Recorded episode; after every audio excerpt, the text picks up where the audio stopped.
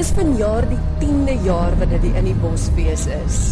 Julle twee is die skeppers, die brein agter die fees. Hoe het dit destyds begin? Hoekom het julle besluit om 'n kunstefees op Nelspruit te hou? Ons het die leeufees gehad so 5, 6, 10 jaar voor dit en ons het van daai tyd altyd gesê as die kakao en kakao werk kan ons ook werk.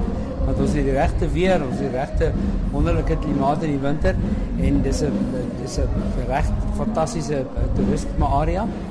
En toe het ek en Sandra gesê kom ons probeer dit. En toe besluit ons ons gaan net so 'n paar tente opsit en 'n verhoog en 'n party hou. en drie dinge ontplof. Die paar produksies.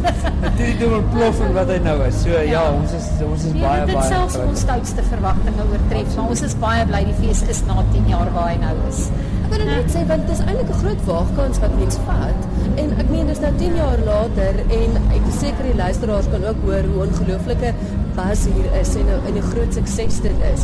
Wat skryf julle toe aan die sukses? Hoekom dink julle werk dit? Ek dink dit klink soos 'n klise, maar ek dink passie. Ek dink al die mense wat in die bos werk is vandag een af daar. Ons het so 'n paar bygekry met die jare, maar meeste van ons span is al vandag een van die fees af betrokke by in die bos wat ek dink ons die mees ervare feesbestuur in die land maak op hierdie stadium. En dan die gemeenskap wat hierdie hele fees omarm het. Dit is nie 'n fees wat mense kom reëlik vir Nelspruit nie. Dis 'n Nelspruit fees. Elke ou wat hier woon, elke mens in die Laagveld voel dis ons fees. Ons is deel hiervan en dis fantasties om so 'n platform te kan skep. Ek wil graag iets bygooi as ek kan.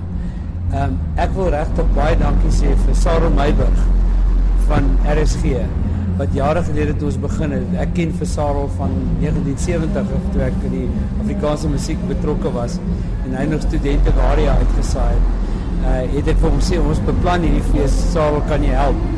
En Sarah het voor ons die fees nog begin het, het hy net gekom en ons heel eerste komitee vergadering kom bywoon en vir ons raad gegee en gesê dis wat hy dink ons moet doen. En hy het baie vertroue dat hierdie fees 'n groot ding gaan word. En ek is so bly dat dit het gebeur want Sarah is nie meer met ons nie maar ek sal hom ewig dankbaar bly. En inderdaad vir vir RSG dan. Ek gesels uh, geweldig baie met kunstenaars en ek moet vir julle sê oor die algemeen is almal se reaksie dat in die bos is een van hulle gunsteling feeste. En die rede daarvoor is Almal sê deur die bank is omdat jy so mooi kyk na hulle. Ek het net nou met Lis ook daaroor staan en praat. Die feit dat dat jy regtig vir die kunstenaars omgee en vir 'n platform skep waar hulle nie 'n verlies ly as hulle terugkom terug gaan huis toe van die fees af nie.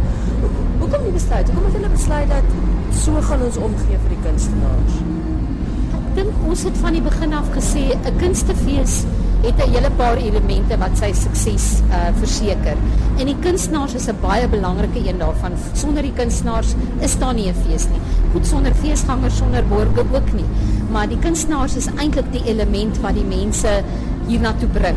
En daarom is dit vir ons so belangrik van die heel eerste jaar af gewees om die kunstenaars regtig soos celebrities te laat voel. Weet ons het gesê hulle moet voel dis spesiaal om by in die bos op te tree en ek dink ehm um, ek dink Fulna en Adeline wat ons produksiespan is, kry dit fantasties reg.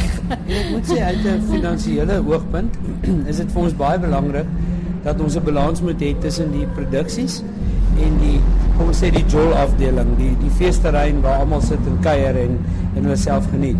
En uh, ons het nog altyd die siening gehad van kom ons gebruik dit.